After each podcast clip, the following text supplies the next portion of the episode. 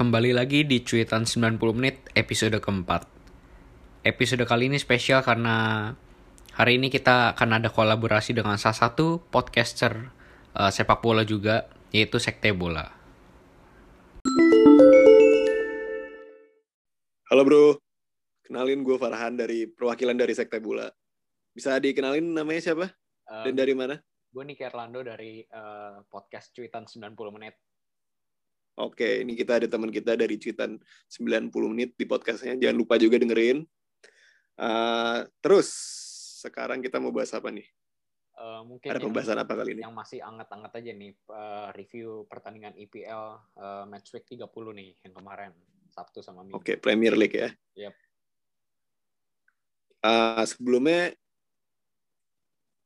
kan gue dari gue sendiri itu dari pendukung Real Madrid. Uh, tapi gue ngikutin juga IPL. Oke. Okay. Gue mantau juga. Untuk lu, kalau boleh tahu dari mana ya? Fans ya, apa juga? Gue gue fans gue fans MU dan emang lumayan ngikutin IPL sih dibandingkan liga-liga. Oh. Ya. MU ya, oke okay, oke. Okay. Dari dari kita juga ada MU sih. Oke. Okay. Nah, oke. Okay. Lu mau bahas MU dulu? Kemarin uh, menang tuh. Mungkin comeback kayaknya ya. Iya, iya, Apa mau yang lain dulu? Kayak lebih MU jujur uh, ini sekilas uh, dikit aja menurut gue matchnya boring dan nggak begitu seru menangnya juga gue consider agak lucky sedikit tapi gue coba uh, lebih enaknya mungkin kita lebih bahas ke Chelsea dulu yang punya poin lebih banyak yang untuk dibahas gitu dan jauh lebih seru. Oke gitu. oke. Oke. Kemarin uh, matchnya Chelsea sama West Bromwich itu bikin kaget ya semuanya ya, benar. Ya, jelas banget. Kuda hitam itu. Nah. nah kok bisa sih? Kayak setahu yang yang yang sepengetahuan gue ya Thomas Thomas Tuchel itu uh, punya rekor sebagai pelatih Chelsea itu sebagai best defensive coach. Dan terbukti kemarin uh, maksudnya selama sebelum match yang lawan West Bromwich ini yang West Bromwich Albion ngegolin sampai 5 gol itu sebelum-sebelum itu sangat susah buat ngejebolin Chelsea kok sampai 5 gol gini loh. Iya. Uh, Gimana menurut lu? Uh, sebelumnya kan Tuchel ini kan masih sebelum dikalahkan uh, WBA kan masih megang rekor unbeatable kan dengan defense yang cukup bagus. Dan kalau lu tadi bilang defense uh, dengan coaching defense yang cukup bagus, gue setuju bahwasannya uh, tim ini kan jarang kebobolan, tetapi problemnya hmm. susah untuk mencetak gol. Dan kemarin kalau kita hmm, yeah, yeah, ya kalau kita recap uh, lawan WBA kenapa bisa kebobolan 5 gol, ini faktor terbesarnya ada dua yaitu adanya kartu merahnya Thiago Silva kan jadi yang membuat Chelsea yeah. main dengan 10 orang itu tulang belakangnya uh, yeah, defensive line Chelsea ya uh, nah. tetapi nggak salah juga ketika kan setelah Thiago Silva merah dimasukkan Anders Christensen kan dan itu nggak masalah juga yeah. karena sebelumnya Thiago Silva cedera yang main pun uh, Christensen, Zuma, Christensen. Dan ya bisa di free roll dan nggak masalah gitu loh banyak sih ini emang ya, apa banyak. namanya stok defendernya Chelsea. Iya, ya, betul, betul banyak. Terus gue juga uh, mau bilang hmm. kalau misalkan uh, tadi lu bilang kebobolan banyak kan. Jadi gue uh, bahas dulu nih sebelum terjadinya kartu merah pun uh, Chelsea pun sebenarnya nggak terlalu membahayakan WBA banget kan. Kalau kita lihat golnya juga ya hmm. itu hmm. menurut gue kesalahan kiper dan semua tim mungkin uh, bisa kebobolan ataupun golin kayak begitu gitu loh. Sampai terjadinya uh, kartu hmm. merah yang membuat pertandingan sampai uh, akhir ini lumayan menarik gitu menurut gua. Kalau menurut lu uh, ada gimana nih tentang yeah. faktor gitu? uh, tadi lu bilang juga apa ya? Oh ini faktor susahnya untuk ngegolin juga dari iya, Chelsea. Jadi Uh, dari Timo Werner sendiri masih belum performa itu dari pertama kali datang pun uh, mengecewakan ya. ya bisa dibilang begitu. Sangat. Ini kan yang yang gol ini uh, yang bisa ngecetak gol ini Pulisic sama Mount. Dan kayaknya ya gue gue ngeliat ya uh, Chelsea ini kurang uh, pemain dengan alpha mentality. Jadi kayak pemain yang kayak seperti John Terry atau Frank Lampard itu kan udah jelas tuh itu di sangat disegani dan uh, udah punya satu legend sendiri dan mereka itu orang yang berani mau kayak rela mati buat klubnya gitu loh.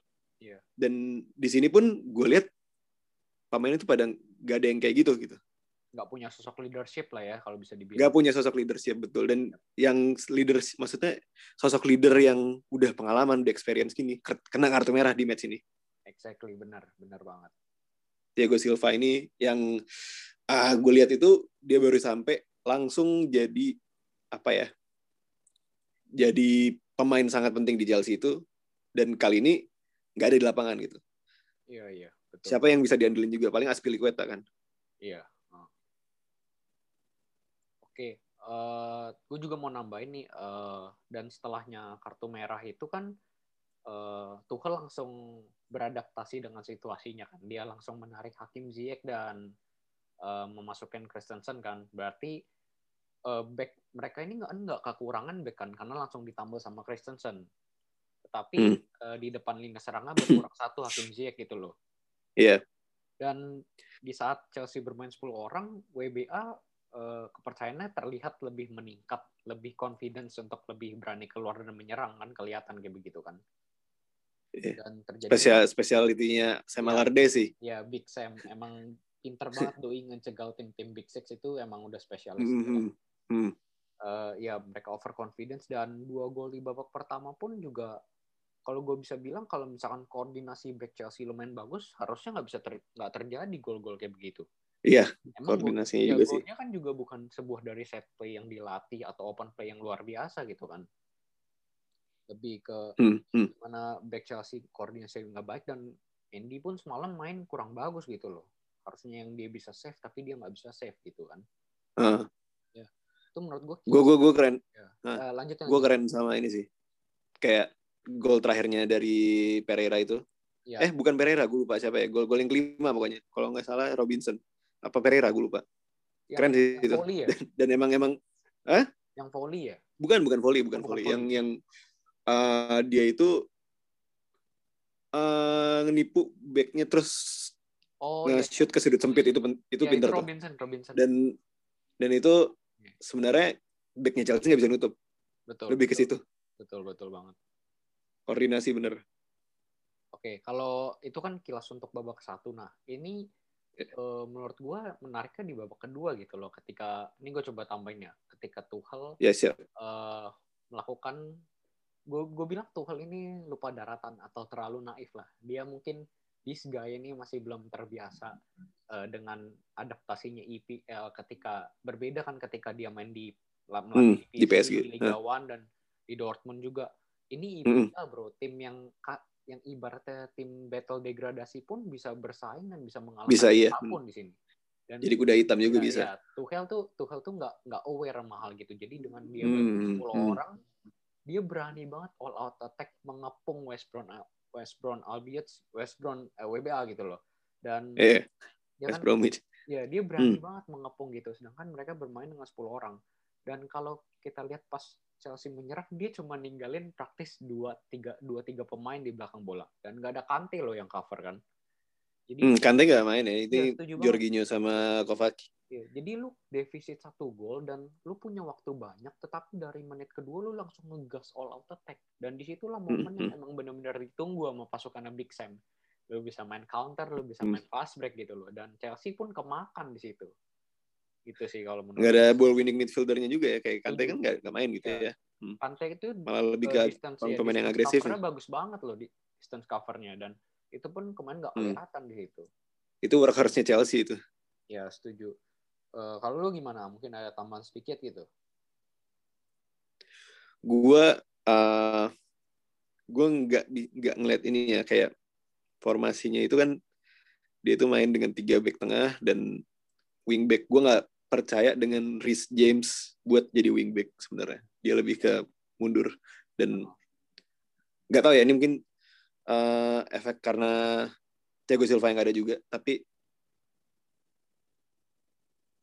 mungkin pemasangan back dan lini tengah bener percaya sama lini tengah yang lebih ke ofensif bukannya ada kantenya. Gue lupa kante ke mana ya? gue juga nggak tahu di apa absen kah apa emang nggak dipasang soalnya di di substitusi nggak ada nggak ada nggak ada iya jadi cuma ada Gilmore sama untuk yang ini ya midfielder ya Gilmore sama Mount Bisa jadi emang. Gue lihat dua-duanya juga itu buat menyerang ya. Oh iya benar ya sih. Bisa jadi. Gitu loh. Untuk leg pertama itu di kandang tahu nggak di kandang Porto ya? Apa di kandang Chelsea itu? Uh, main di mana? Ya? Kayak di di Porto dulu sih nggak sih kalau nggak salah. Uh, hmm. Ya mungkin gitu, iya persiapan buat Porto juga sih karena tanggal uh, tanggal 6 atau 7 itu langsung uh, leg pertama dari Champions League. Oh main main di Porto dulu Dan, sorry. Main di Porto dulu. Hmm. Yeah. Porto itu kuda hitam yang ngeri ya bisa ngalahin Juve. Setuju Mungkin Chelsea Setuju. ada efek dari situ. Yeah, yeah. Oke. Okay.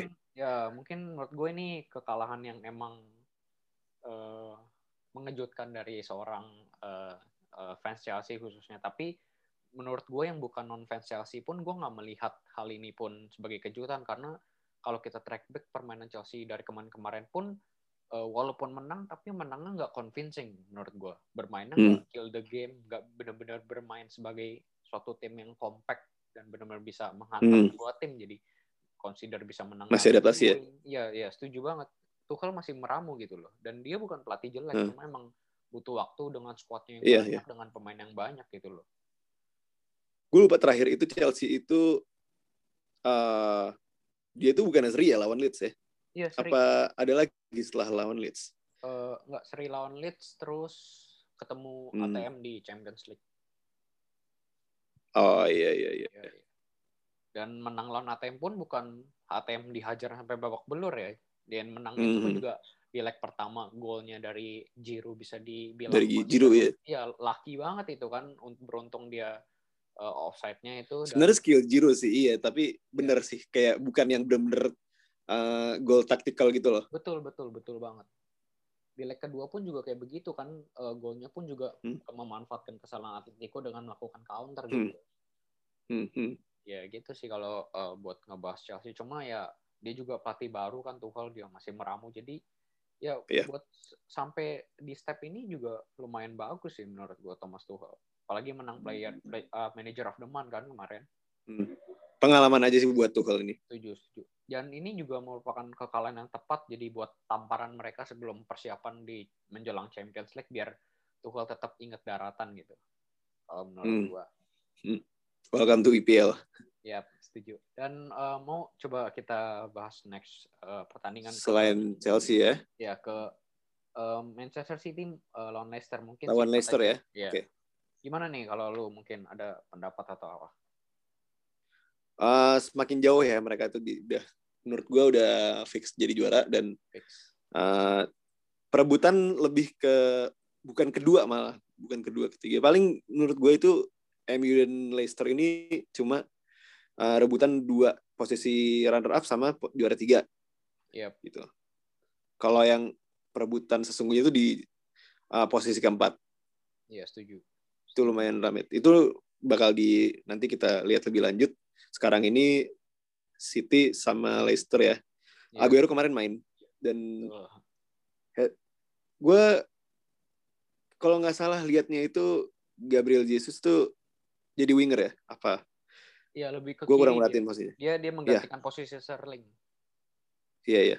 Ah Sterling nggak main tapi jadi cadangan. Ah, main sih maksudnya dimasukin jadi pas jadi cadangan Gundo Gundoan yang main. Iya iya.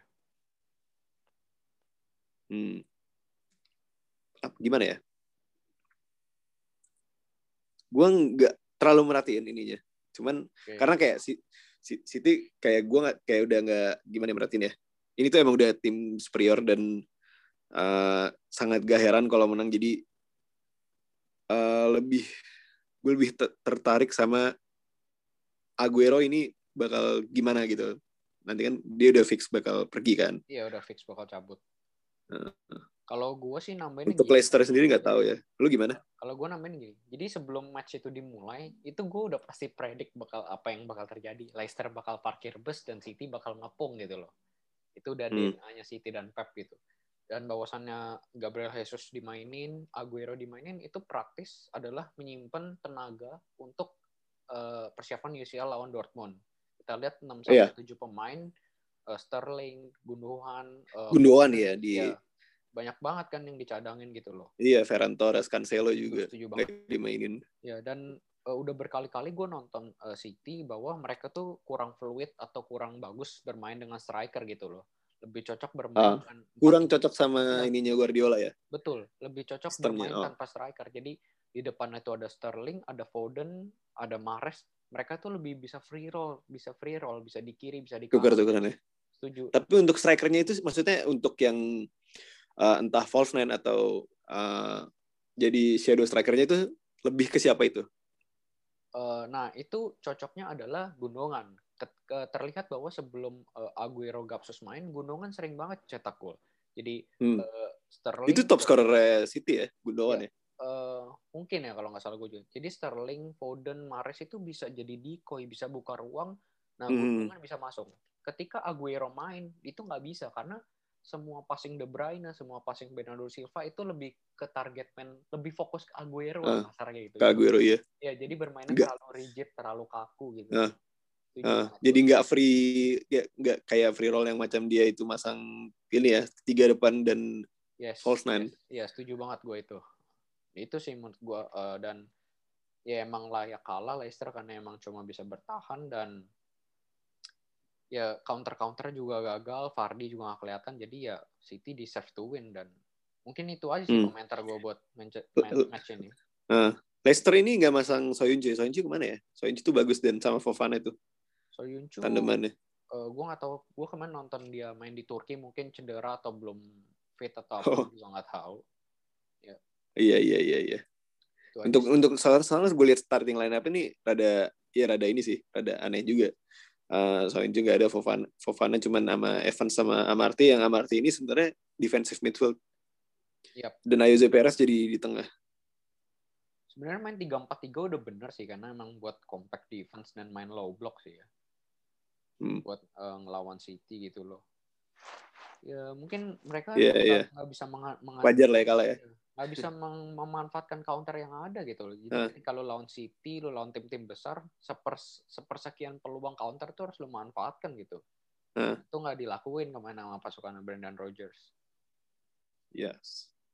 Oke. eh, Uh, Kita untuk lanjut ya. City, ya, City Oke. sampai sini dulu. ya ya ya. Eh, Selanjutnya ada siapa ini? Arsenal Liverpool nih yang kalah. Arsenal kah? Yes. Arsenal kalah. Eh, gimana lo? Lu dulu deh eh, nambahin-nambahin pendapat lu gimana match ini?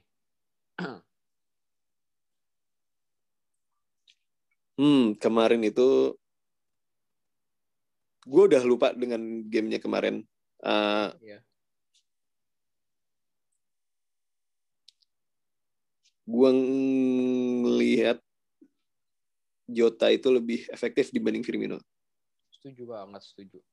Itu poin juga yang Firmino udah Firmino udah ngelewatin uh, masa-masa terbaiknya di musim dua, menurut gue terakhir dia benar-benar uh, sangat bagus ya itu di 2017 2018 Yap, setuju. dan ini bukannya gue bukannya subjektif sih cuman uh, menurut gue Firmino itu City Benzema Benzema KW Iya, iya. Bisa dibilang kayak begitu. Dan kalau misalnya untuk di apa ya di swap dengan posisi strikernya itu dengan Jota lebih cocok Liverpool Setuju. Dan Firmino itu menurut gue bukan sebagai goal getter yang ujung tombak. Iya. Dia Heeh. lebih ke decoy nggak sih? Lebih nge-regain ball. Jadi memancing musuh. Iya lebih keluar. jemput. Iya, Nah, setuju, setuju banget. karena posisinya Firmino itu aslinya itu yang dari di, di Hoffenheim itu bukan ujung tombak, Iya, iya, Cuman- iya, setuju banget. lebih ke belakang striker murninya. Dan Jota pun juga gitu gue lihatnya. Dia tuh di Wolves tuh kalau nggak salah bukan di strikernya cuman di wing ya. Iya, lebih ke kiri dia. Nah, di iya di apa namanya di sa- sayap kiri. Dan Betul. ini karena ada mana mana yang masalah jadinya mereka yang jadi dua itu. Iya, iya. Dua ujung tombaknya. Mm-mm. Oke, eh, Gue nggak ada komen apa-apa di Arsenal sih. kalau gue gue juga kaget awal-awal lihat Arsenal main 4-3-3. Cuma 4-3-3 ini 4-3-3 banci ya. Ujung-ujungnya di lapangan juga mainnya 3-4. Gimana tuh? Jadi gue pikir Uh, 4-3-3 Chambersnya yang jadi ini ya? Iya, Chambers di bek kanan. Chambers jadi bek tengah ya? Uh, bek kanan. Apa sih. iya kalau di di ini kan bek kanan kan? Iya. Cuman yang lo bilang 3-4-3 itu siapa yang mundur itu? Gue nggak perhatiin.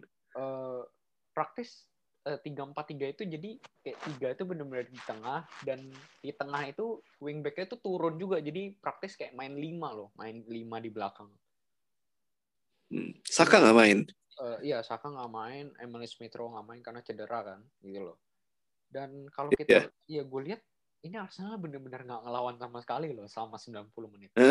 Nggak ngelawan. Iya, dan counter-counternya pun juga nggak kelihatan, nggak nggak efektif semua juga uh, dapat bola hilang nggak hmm. bisa passing gitu loh. Dan kalau misalkan gue lihat di babak ke satu uh, Liverpool juga sama Arsenal menurut gue boring nggak begitu ada big chance ataupun ya nggak ada gol juga. ya, ya, lebih ke babak kedua. Iya ya babak kedua. Nah babak kedua ini menarik nih. Mungkin lu ada tambahan sedikit nggak gimana? Mungkin golnya atau apa gitu ya? Uh, enggak sih kayak gue lebih nggak kaget sih kayak Jota tuh pendek setahu gue dan dia bisa heading goal gitu. Iya. Yeah. Dari crossingnya Arnold. Itu Masa nggak ada yang bisa ini sih? Arnold uh, backnya Arnold. Iya iya. Apanya? Arnold, Arnold itu iya jenius banget, hebat banget ya. Ya. Gue gue cuma bingung untuk Liverpool itu nggak ada nggak ada backup untuk Arnold.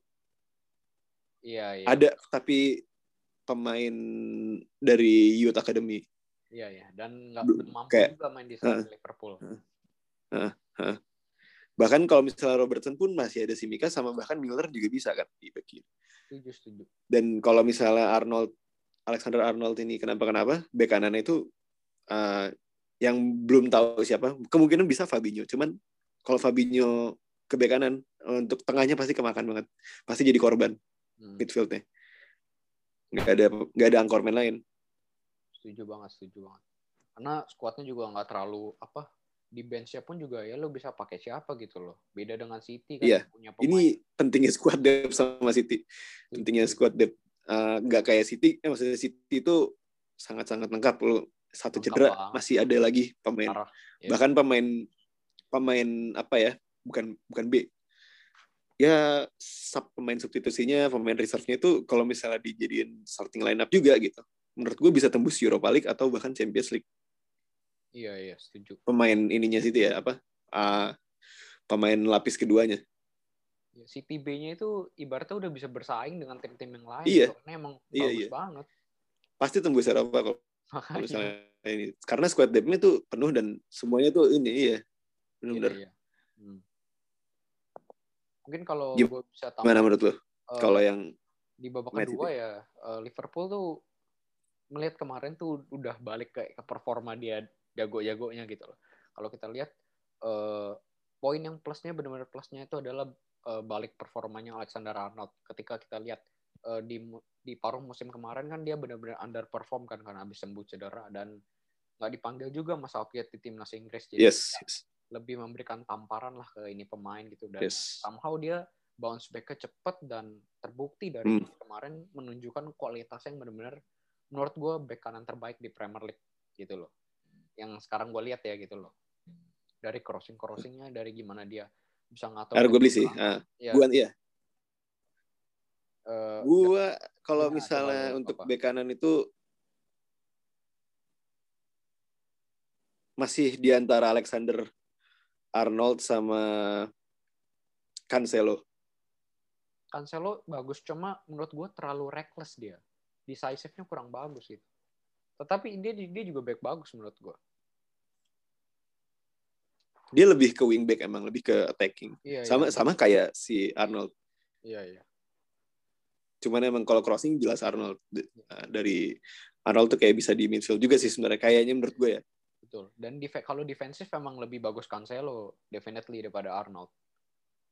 Hmm. Iya. Hmm. Ya mungkin segitu ya buat uh, Liverpool Oke. Okay. Ada lagi? nggak nggak begitu baik dibahas dan gue juga kaget okay. Arsenal benar-benar nggak. Uh, gue mau nyentil sedikit sama Spurs okay, lawan okay, Newcastle. Boleh boleh. Itu kesempatan emasnya Spurs. Masuk empat besar. Buat uh, buat masuk empat besar ya dan akhirnya ujung-ujungnya Spurs being Spurs gitu. Balik lagi ke ke mentalitas ayamnya. Betul betul. Ujung-ujungnya dia tuh nggak bisa pertahankan ya pertahankan uh, itu udah dibantu sama beresnya Ken ya. Itu udah iya, iya. udah dua satu kejebolan sama Joey Lock pemain lawan dari Arsenal. Betul. Dia seneng lah dia sebagai lucu, Arsenal lucu. fans dia bilang. Uh, iya iya. Itu itu untuk Arsenal fans. Dan ya mentalitas. Baik lagi. Dan gue juga mau dan sekarang uh, apa namanya? Ya selain uh, buat tadi kan lo singgung Spurs dan Harry Kane juga. Menurut gue ini udah wake up call lo bagi Harry Kane lo udah umur 28 di peak age lo masih masa lo masih main mau main hmm. uh, Spurs itu lo belum belum belum menangin apa apa gitu dan Spurs iya, juga iya. belum ngasih apa apa gitu. Dan dia ini striker hebat menurut gue striker kelas dunia hmm. gitu. Sayang kalau misalnya sebenarnya uh, kalau bisa dibilang terlalu besar buat Spurs juga ada benarnya. Iya ada benarnya sedikit itu loh Mungkin hmm. kalau dia main di City atau main di Madrid mungkin udah bakal lebih dihargain pasti. Setuju banget. Mungkin bisa disanding-sandingin sama iya, calon pemain. Sanding-sandingin sama iya. Ya, Sanding-sandingin sama Lewandowski bisa jadi. Betul, betul, betul. Karena memang mainnya di tim uh, mediocre Inggris ya. Iya, iya. Tim apa ya? Ya ibaratnya tim spesialis buat ngasih pressure doang buat juaranya. Iya, iya, benar-benar banget. Mentalitasnya kurang terbentuk lah seperti ini. Uh. Dan sekarang juga yang bisa, bisa yang bisa mereka menangin itu cuma Carling Cup doang. Tuh. Lawan City. Dan lawan City itu udah pemenang beruntun ya. Mm -hmm. City itu di Carling. Nggak pede. Back-backnya juga nggak jelas gitu untuk yang di Spurs.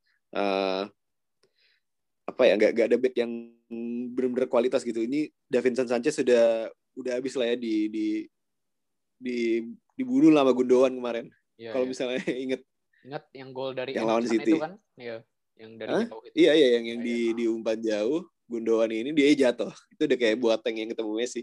Iya, iya. Udah uh, permasalahan back sama mentalitas dan kemarin juga itu salah salah uh, apa ya yang keluar dari Europa League itu benar-benar salah pemain menurut itu kena comeback. Karena expect banget sih. Terlalu defensif. Betul. Hmm. Setuju gue. Aneh lah menurut gue. Ya, mungkin Dan soal Spurs ya. Oke okay lah, mungkin okay. anak buah Mourinho udah ada di situ aja. Selanjutnya ada siapa sih?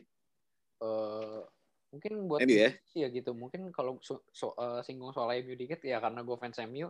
Jujur nih. Silakan, silakan, silakan, silakan. Ini match yang bener-bener pengen gue cepet lupain ya. Nah gue males gitu ngeliat MU main tuh kayak begini. Di babak satu jujur uh, eh, MU. Tapi, iya, walaupun menang ya. iya iya. Uh, maksudnya uh, sedikit aja ya gitu ya, karena kan. Uh, silakan itu, silakan. Uh, di babak satu nggak pegang bola iya tapi nggak bisa create chances terlalu banyak nggak bisa terlalu benar-benar membahayakan hmm. gitu loh sedangkan mereka telat panas dan kebobolan lebih cepat dan di babak kedua pun Ole menurut gue nggak begitu merubah strategi. Jadi lebih memanfaatkan fighting spirit squadnya emang benar-benar uh, lebih mengharapkan mentalitas lah untuk comeback ke yeah, yeah. Gitu dan golnya Rashford ya gol uh, kurang memua kurang inilah ya kurang memuaskan lah ya bagi yeah. ya bagi fans MU ya. menangnya tuh nggak convincing kayak menang nggak sekelas MU lah gitu. Masa lu menang dengan kayak begitu gitu kan? Iya iya iya. Ya iya tahun ini Brighton lagi kan? setuju. Menurut gue ya uh, kayak begitu sih. Dan tiap minggu pun permainan ini tetap nggak begitu banyak progresnya dan ya tetap stuck-stuck di situ aja. That's why dia nggak bisa menjadi juara, nggak bisa bersaing dengan City gitu loh, dengan squad yang mereka miliki. Mungkin menurut gue di situ itu aja sih. Uh, iya, iya. Tapi gimana peluang? Huh? Gimana peluang buat uh, Europa League menurut tuh? Peluang Europa League MU. definitely buat Europa League. buat Granada, gue obviously 100% optimis. Tetapi gue benar-benar pesimis ketika hmm. nanti MU harus berhadapan dengan seorang Ajax di mana suatu tim Belanda yang kalau kalau Ajax tembus. Ya, yakin Roma gimana? Kalau iya Roma, iya Roma gue yakin definitely bisa menang. Cuma kalau Ajax, jujur gue lebih unggulkan Ajax. Itu yeah, yang gue takutin sih. Itu juga ngunggulinnya Ajax bener. Iya. Dan terakhir ketemu Eh enggak ya. Pokoknya Ajax ini juga lagi serem juga. Iya dan regenerasinya bagus, tactical, siapa pun hmm. main nggak masalah gitu loh kan. Iya. Mau timnya dipretelin kayak apa juga tetap pemain mudanya jalan, sistemnya jalan, hmm, bermain bagus-bagus aja gitu. Regennya pinter. Emang iya. emang udah dalam darah daging itu Ajax. Iya, setuju, setuju. Oke. Cukup kali ya untuk IPL Match Day 30 ini. Iya, cukup main seru sih uh, banyak pertandingan. Gimana, Bro? Kan banyak banyak juga pertandingan yang yang udah sesuai dengan ekspektasi gue. Mungkin buat buat gue segitu aja gitu. Yep. Gue juga udah rasa cukup ya udah banyak cuap-cuap juga nih. Yep. Oke okay deh kalau gitu. Thank you bro atas waktunya. Oke okay, ya, uh, eh, gue juga dari Dan, uh, 90 menit. Terima jangan kapok-kapok juga buat kalau lagi. Ya, terima kasih banget nih yeah. respon dan bisa kita Hormatan juga buat sekte bola. Iya. Oke deh kalau gitu. Oke, uh, thank you ya buat ya yang udah dengerin. Yuk. Terima kasih. Yuk. Thank you, thank you.